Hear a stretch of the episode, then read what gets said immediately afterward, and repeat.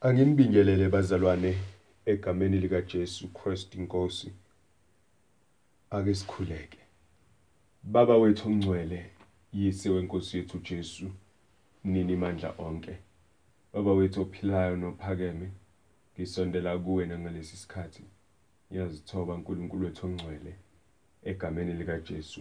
Funa ubuso bakho egameni lika Jesu. Ntambama nje uNkulunkulu wethu onamandla awukukhombisa amandla akho phezu kwempilo zethu ngokuthi usiyale, ngokuthi usigcine, ngokuthi usifundise, ngokuthi usiqaphelisise egameni lika Jesu senze sibe ngabantu abafanele ukukukhonza.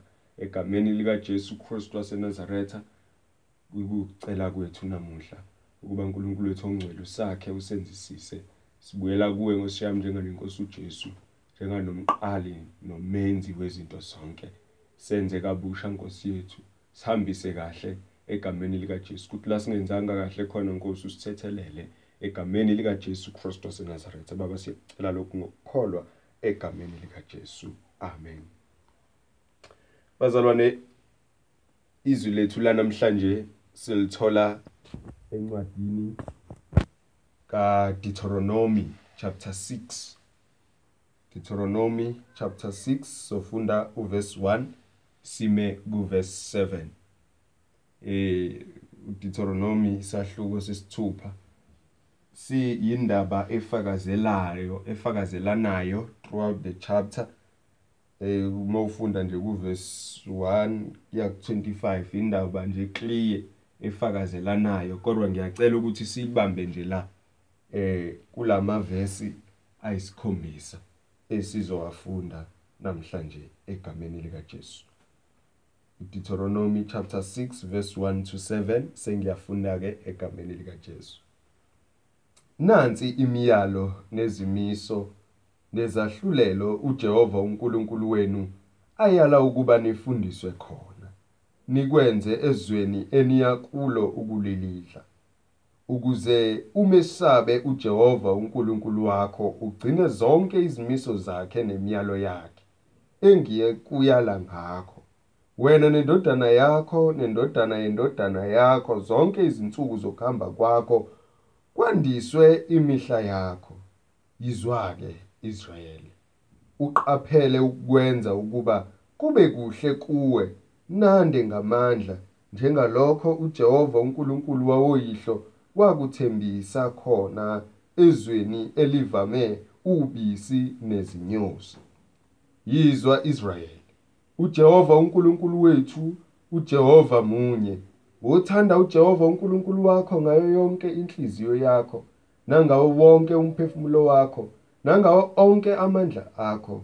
Lawa amazwi engikuyala ngawo namuhla ayakuba senhlizweni yakho.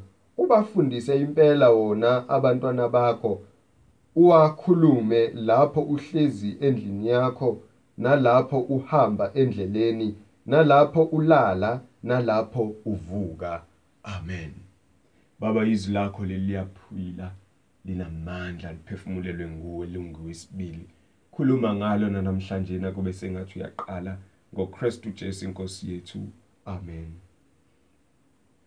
Bazalwane la esifunda khona sifunda indaba uMose noma umholi onguMose.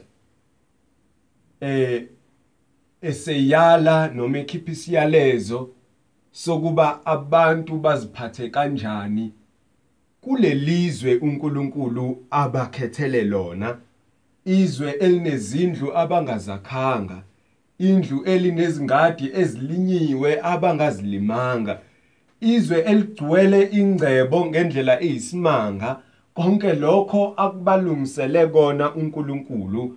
Ukuba bona bayohlala kulo. Izwe uNkulunkulu alifungela okhokho balabantu banoma labantwana bakwaIsrael Mose eh la kuDeuteronomy uphinda imithetho esibekiwe ezincwadini zomthetho ezingaphambilini.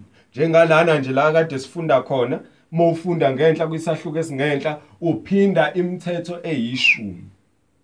And ababhali noma abafundi beBhayibheli mabecwaninga lencwadi yaDeuteronomy bayicwaninga bayiveze njengeyintshumayelo zikaMose eyala abantwana bakwaIsrayeli. Lana ke ubayala ngendlela ekumele baziphathe ngayo ezweni abaya kulo. Ubafundisa ukuthi aboyithanda inkosi uNkulunkulu wabo ngawo wonke amandla abo bamkhonza uNkulunkulu banganamatheli ezithixweni ezikhonzwayo kulelo lizwe abohlala kubo. Bagcine imiyalelo kaNkulunkulu njengalokhu injalo.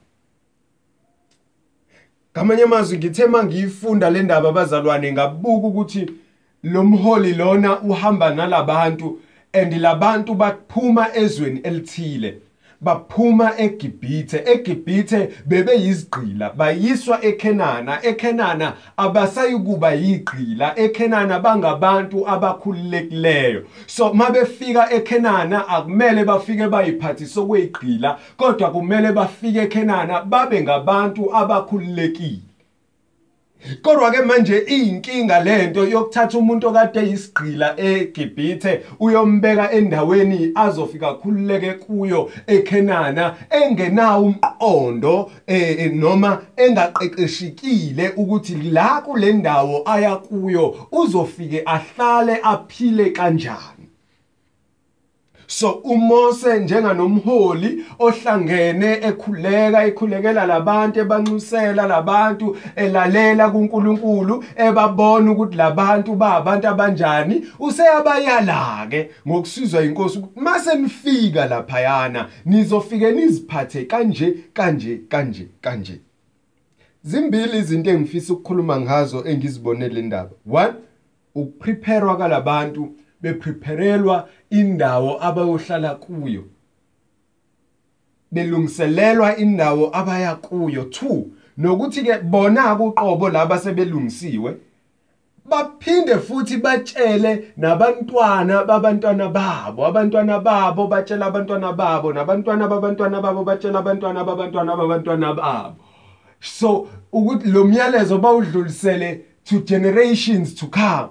So uma ke bezo lezo zinto lezo zombili izona zinto engifuna ukukhuluma ngazo ukudlulisa umyalezo kulabantu nokuqeqeshwa kwalabantu abayohlala kule ndawo. So uMose ke uyabaqeqesha abazalwane labantu uyabathatha ke labantu uyababeka ukuthi niyahamba niya eKenana eKenana niyofika niyobusa kodwa manifika eKenana nansi imiyalo nezimiso nezahlulela uJehova uNkulunkulu wenu aniyala ukuba nifundiswe khona. Bazalwane siyezwa yini kodwa ukuthi akusiko umcabango waMose ukuthi labantu abafundiswe? Kodwa uNkulunkulu uneconcern yokuthi labantu abafundiswe ngoba uNkulunkulu uyabazi labantu ukuthi banjani. Sebemhlubuke kaningi la ehlane kuzoba kanjani ke sebenethezekile eKenani so uNkulunkulu ubona isidingo ukuthi labantu ababe equipped ubona isidingo ukuthi labantu abalungiselelwe le ndawo abaya kuyo. Bazalwane ziningi izinto esiya kuzo singalungiselelwe ebese sithi siyakwazi ukuzibamba bese ziyasiphunyuka zisihlule singakwazi ukuzicontrola namhlanje na uma sibuka emhlabeni esiphila kuwo izinga labantu abahlulekayo emendweni angikafike emendweni kodwa ngingaphandle ngibuka abantu abaningi abashadelwe nabashadile uma baningi abantu abadivosayo kulabantu laba abashadile isibalo sabantu abadivosayo siyanyuka usuku nosuku. Why? It is because abanye babantu balabo bantu abashadile abekho equipped for umshado. Ngiyadlula ekushadeni. Kunezinsizwa eziningi ezigcwele emajele. Insizwa ezinhle ekade zibekiwe zabukwa zayizithenjwa emphakathini kodwa akekho umuntu ozikhulisile wazibeka ukuthi mase senifika ke estageni sokuba umfana estageni sokuba insizwe kumele uziphathe kanje na kanje na kanjena ukuze ugweme ukuthi uzuze lokho kodwa ngenxa yokuthi siswele labo bantu labo akade bezosifundisa sinezinsizwe eziningi ezivalelwe emajele. Abanye ngenxa yokweba abanye ngenxa ye-rape abanye ngenxa yezinto ke abazenzile futhi nabo eceleni. Ngobani? Siswele abantu akade bezohlala nathi phasi bakhulume nathi. People who will equip us. Ukuthi mawususuka esigabeni sobutsizwa kumele uziphathe kanje. Sineyintombi eziningi ezithole abantwana zisemakhaya. Ngokosiko lwethu nje mhlambe ngithi ukuma kancane ngasenkolweni kodwa ngokosiko lethu nje thina amaZulu akukuhle ukuthi intombi ithole umntwana ekhaya. Kodwa lokho kwenzekile ngoba kwesinye isikhathi yebo bakhona abangalalelanga betsheliwe yebo. Kodwa khona nalabo abangatshelwanga ukuthi musufika ebuntombini bakho kuzokwenzeka kanjena kanjena kanjena baswele labo bantu. So uNkulunkulu lana usivezela kuMose ukuthi labantu laba bazodinga umuntu ozoba equipa and ubanikeze uMose. uMose kuyabayala ukuthi manifika eKenana this is what you should do. And esikhathini sethu sibaswele labo bantu. Sibaswele abantu abazosiyala abantu abazositshela. Even emabandleni bayancipha abantu abasitshela ngezwi likaNkuluNkulu ukuthi uNkulunkulu ufuna ukuthi we try to accommodate izinto ezenzeka ezweni sizibandakanye lenkonzweni sizihloniphe sizibambathe sithi hayi ngoba lokhu kuzocasula usibani bese yahamba singakhulumi ngazo. Kodwa lana izwi likaNkuluNkulu lisitshela ukuthi eh uMose uthi nazi izimiso nezahlulela uJehova uNkulunkulu wenu afuna ukuba nifundiswe khona nikwenze ezweni eniyakulo ukulilidla.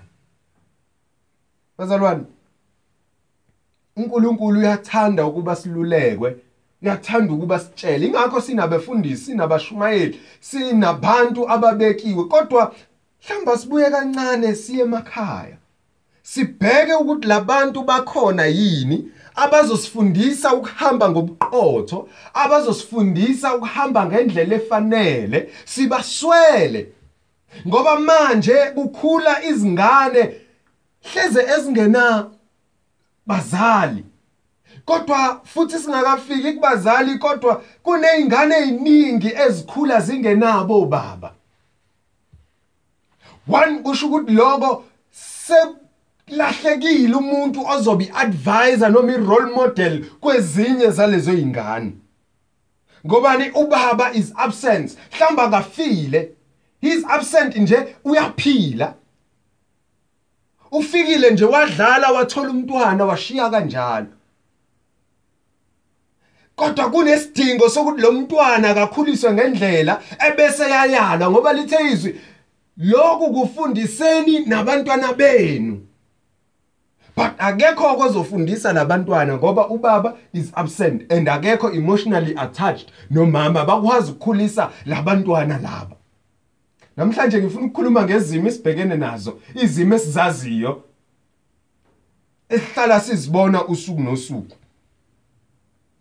Ukuthi kuyisidingo kangakanani ukuthi silungiswe? Isidingo sokuthi siyalwe.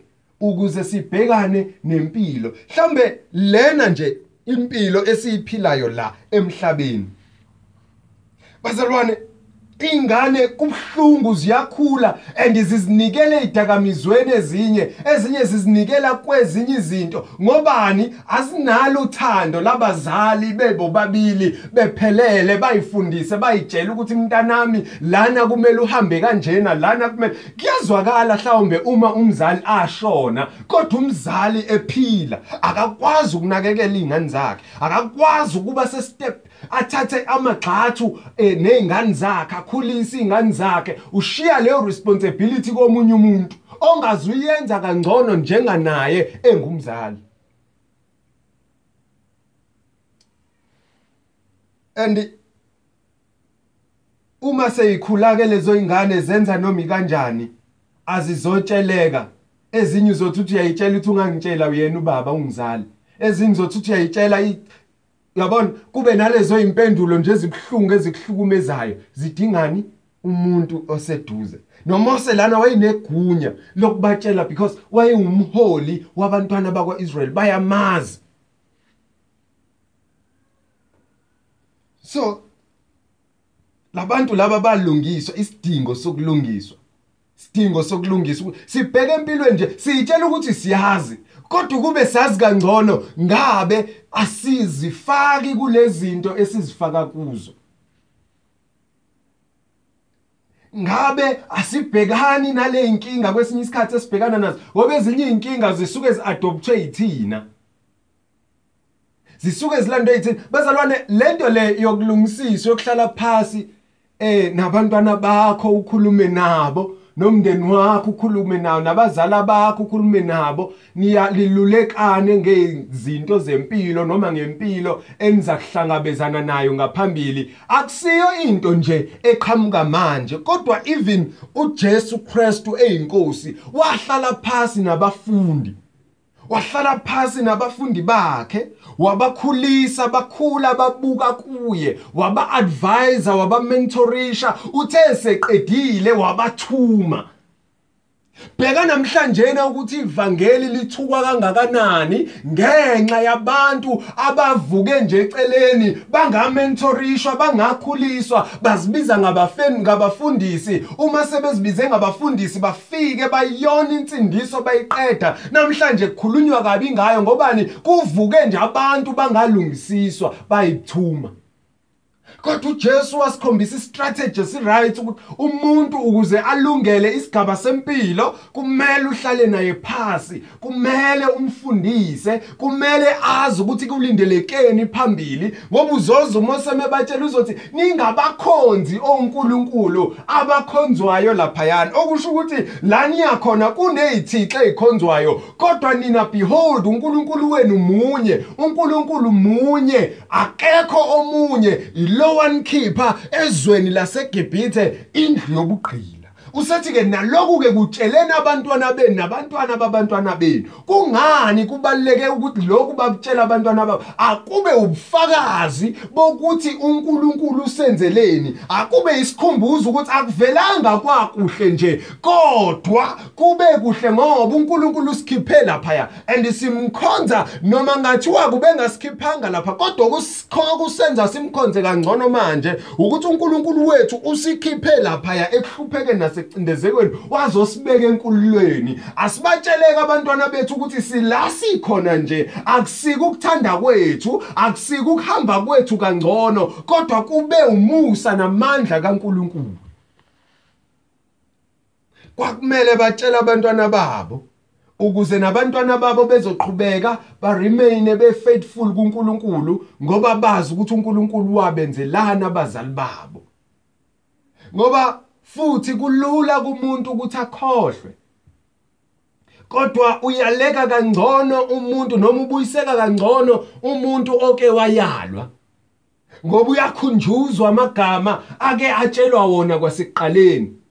Khumbula ukuthi le generation yakwaIsrael ike yafika eKenana yamhlubula uNkulunkulu wayisola uNkulunkulu wayishaya uNkulunkulu. Zolo lokhu besikhuluma eh ngoJoshua ebakhethisa ukuthi khethani namuhla ukuthi ngubani niyakumkhonza noma uNkulunkulu wamo-Amori noma ubani noma ubani.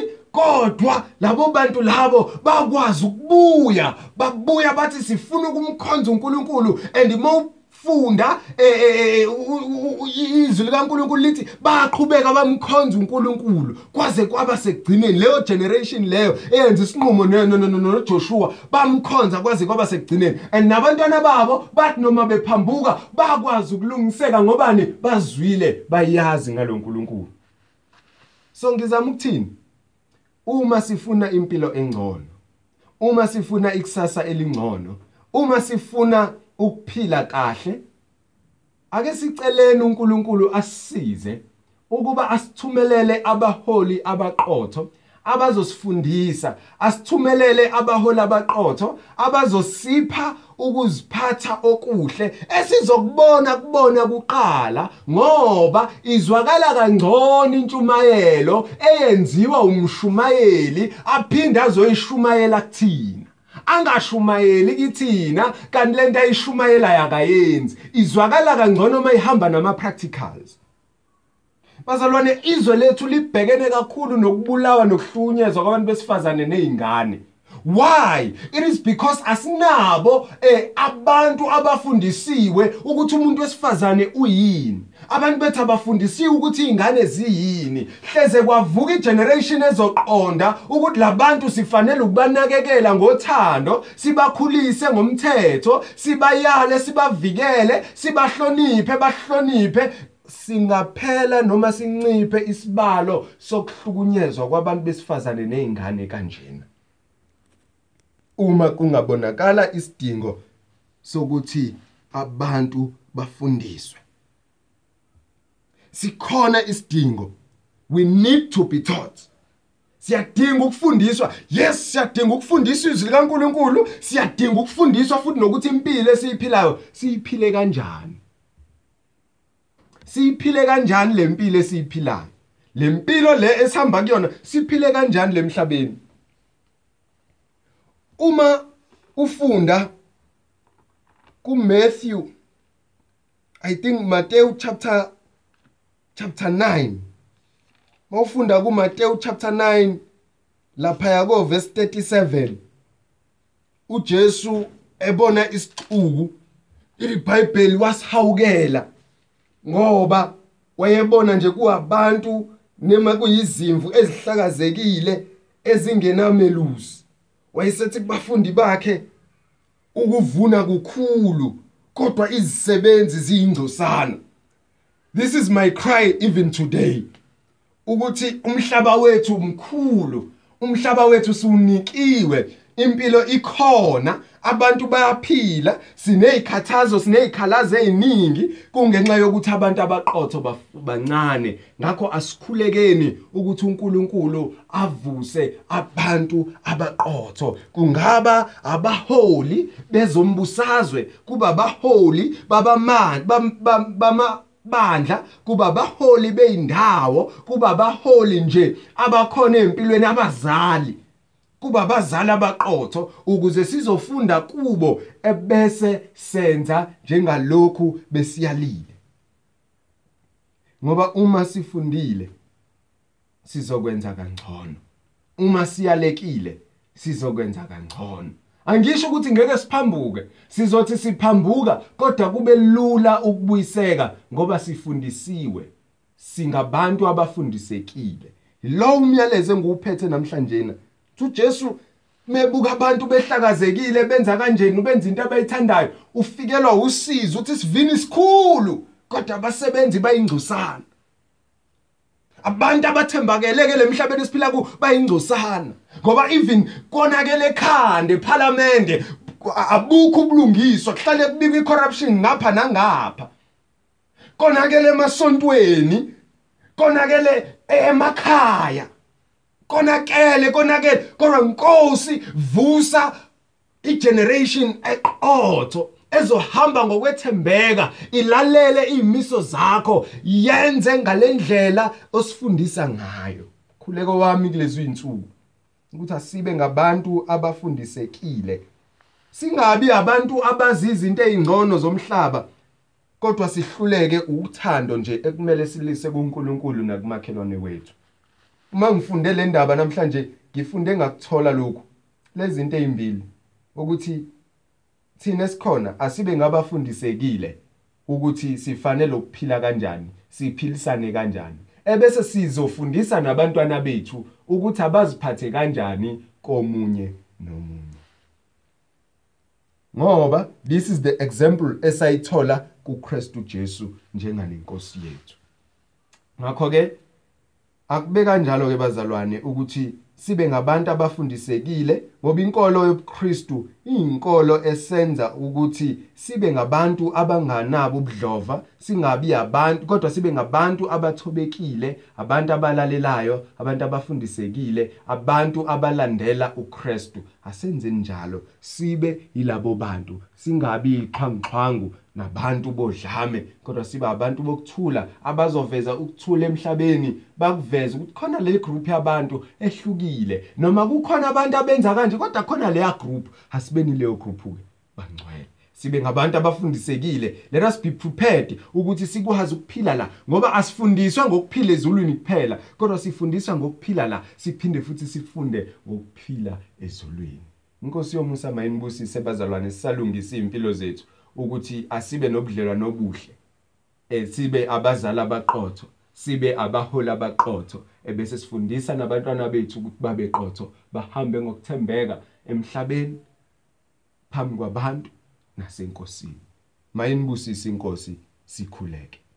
Baba wethu ongcwele siyabonga uNkulunkulu wethu ongcwele sifundiso sanamhlanje nokuba sibe ngabantu abaqotho bantu abazokulalela bantu abazogcina izwi lakho. Bantu abazokwenza intando yakho. Egameni lika Jesu Kristu waseNazaretha mawusivuselele Nkosi sazi ukuthi wena uNkulunkulu oyedwa uNkulunkulu osifisela okuhle hayi okubi. Silondoloze njalo ngokukholwa egameni lika Jesu usakhe njalo usifundise silondoloze egameni lika Jesu Kristu waseNazaretha. Baba sicela usilungisele izwe lethu elihlala njalo ninama complaints egameni lika Jesu kunama cases anyukayo mihla namalanga.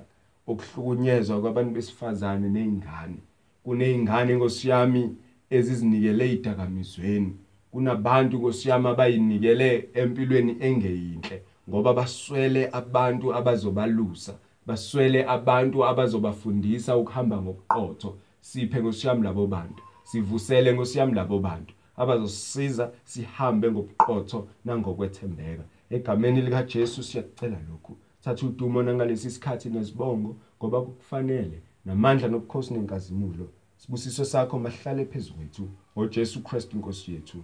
Amen. Samukela umusa.